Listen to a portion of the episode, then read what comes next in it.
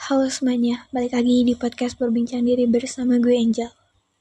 Ya, tentang yang kita tulis di judulnya yaitu latar belakang. Apa sih maksud dari latar belakang ini?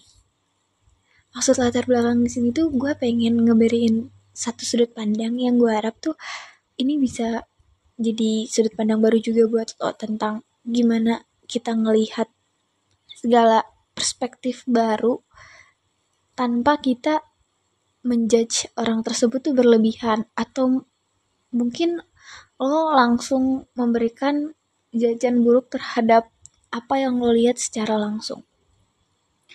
Semakin gue berinteraksi sama banyak orang, semakin gue paham bahwa banyak karakteristik orang di luar sana yang berbeda-beda.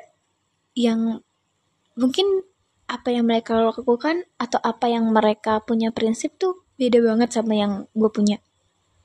Dan dari situ tuh kita nggak bisa kan yang namanya keras-keras atau kita harus saling kuat-kuat sikut-sikutan. Enggak kalau pada dunia nyatanya ya kita saling mentoleransi batas-batas tertentu di mana hal tersebut tuh juga enggak enggak mesti kita secara utuh.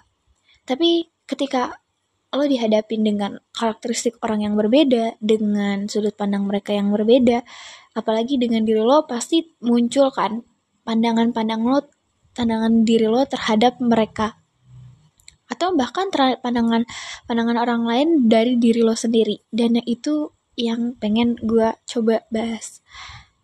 Kita tuh sering banget menjudge orang atau melihat apa yang mereka lakukan secara langsung di depan mata kita tanpa kita lihat latar belakang dari orang tersebut mengapa bisa melakukan ini. Apa yang mempengaruhi dia bisa melakukan ini? Apa tujuan dia melakukan ini?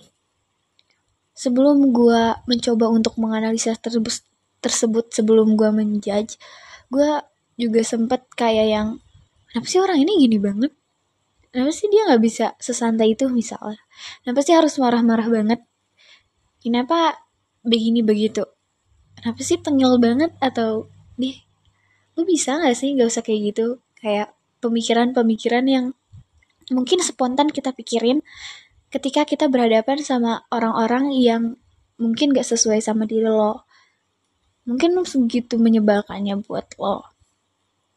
Tapi yang menjadi poin penting adalah ketika lo dihadapin sama situasi yang menurut lo nggak sesuai sama diri lo tentang orang lain kenapa dia melakukan hal tersebut, coba lo meniliknya dari latar belakang kenapa orang ini bisa kayak gini. Ketika lo sadar bahwa orang tersebut tuh bisa melakukan tindakan ini karena apa, backgroundnya gimana, Semisal contoh gini. Dia tipe orang yang suka marah-marah kalau ngomong pengen didengar atau rada-rada manja yang menyebalkan. Menurut lo kenapa sih kayak gitu? Ternyata pas lo lihat latar belakangnya, oh memang keluarganya rada tidak memberikan affection yang cukup kepadanya waktu kecil mungkin atau di rumahnya emang gak cukup sehingga mungkin dia ngambil perhatian atau ingin dapat validasinya di luar gitu. dan menurut gue lo emang gak seboleh semudah itu untuk menjudge orang karena hal tersebut tuh yang pertama nguras energi lo juga. Yang kedua ngabis ngabisin waktu lo juga. Dan yang ketiga emang bukan atensi lo untuk harus menjudge orang tersebut gitu. Dan ya ketika mereka memang gak sesuai sama diri lo ya sudah gitu.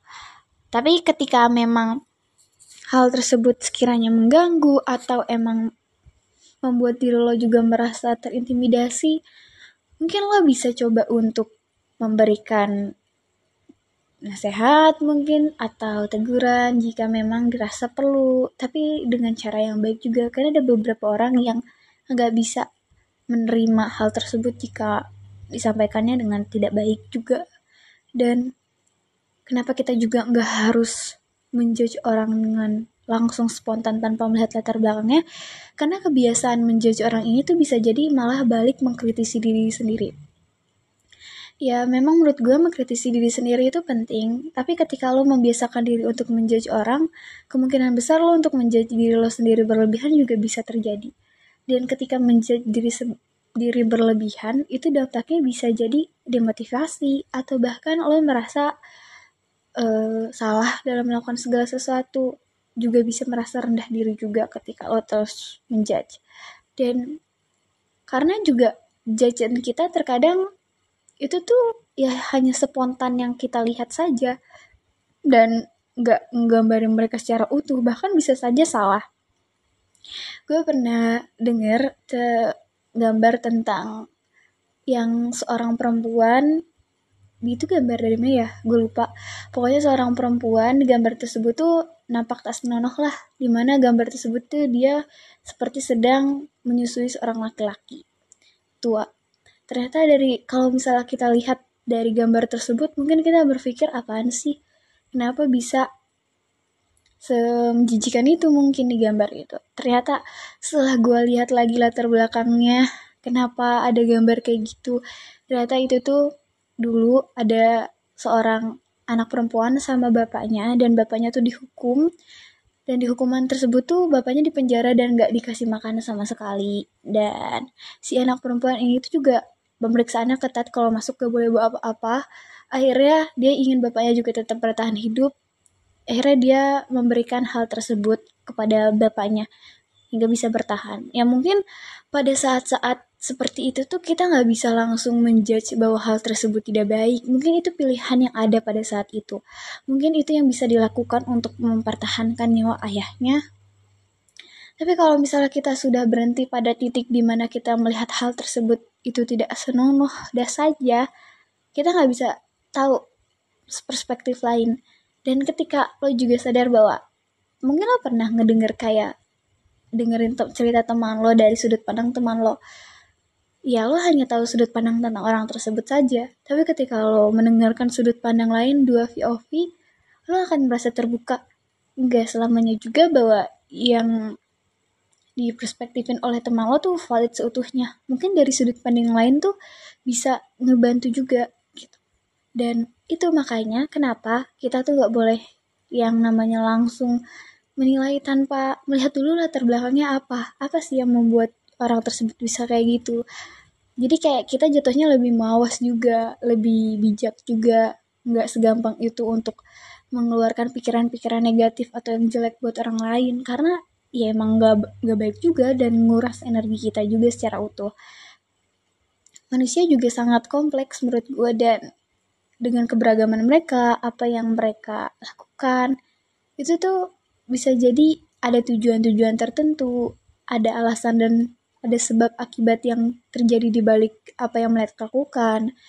Dan kita nggak bisa bilang bahwa semua orang itu baik karena ada beberapa hal di dunia ini kategori baik itu bisa disampingkan dengan makna yang lain. Ada juga kata buruk pun bisa kita lihat juga bahwa manusia tuh nggak cuma hitam dan putih saja. Dan mereka tuh lebih bisa apa ya beragam. Dan ketika mungkin lo berpikir bahwa semua orang ini jahat juga enggak. Semua orang dunia ini baik juga. Ada kalanya punya niat yang memang sekiranya tidak begitu baik. Tapi kita sebagai manusia bisa melihat sudut pandang beragam dunia ini tuh dari sudut yang emang setidaknya positif dan membuat diri kita jauh lebih tenang. Berarti kita berada di zona nyaman dong. Enggak juga ketika lo melihat segala sesuatu dari positif tetap harus ada yang namanya evaluasi dari diri sendiri. Harus ada yang namanya pergerakan dari diri sendiri. Kita melihat orang baik, kita melihat dunia ini baik. Kita juga harus melakukan hal yang baik dengan sadar juga bahwa memang di dunia ini ada kalanya nggak sesuai dengan hal yang samanya baik-baik saja. Tapi lo jadi paham juga bahwa keberagaman manusia itu harus juga kita waspadai, harus juga kita mawas diri, harus juga kita bijaksana.